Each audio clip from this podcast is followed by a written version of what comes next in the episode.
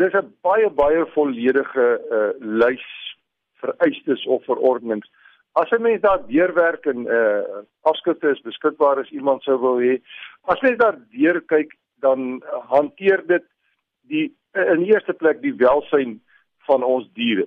Nou die eerste deel van al die verordeninge uh, wat handel byvoorbeeld oor varke en beeste, perde, donkies, hoenders, hase, voëls, alles gaan oor die oor die blyplek, die hokke. Hoe moet dit lyk? Daar's detail spesifikasies.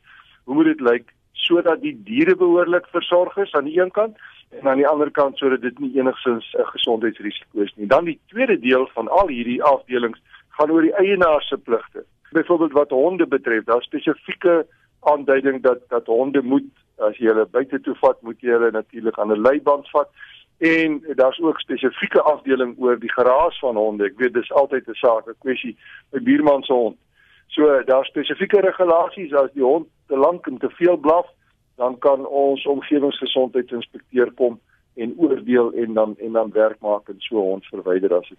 En hierdie verordenings bepaal ook dat mense slegs 3 honde mag aanhou. Maar ek dink dit gaan oor oor behoorlike sorg. Ek dink dit is 'n norm vir behoorlike sorg en in die welstand van die van die diere self en dan miskien ook oor die dier wat wat 'n buurman is vir die buurman dat dan nie te veel geraas is nie. En ek het net nog gesê die hond kan verwyder word, maar dis nie dis nie ons idee om net te verwyder nie. Ons werk nie so nie.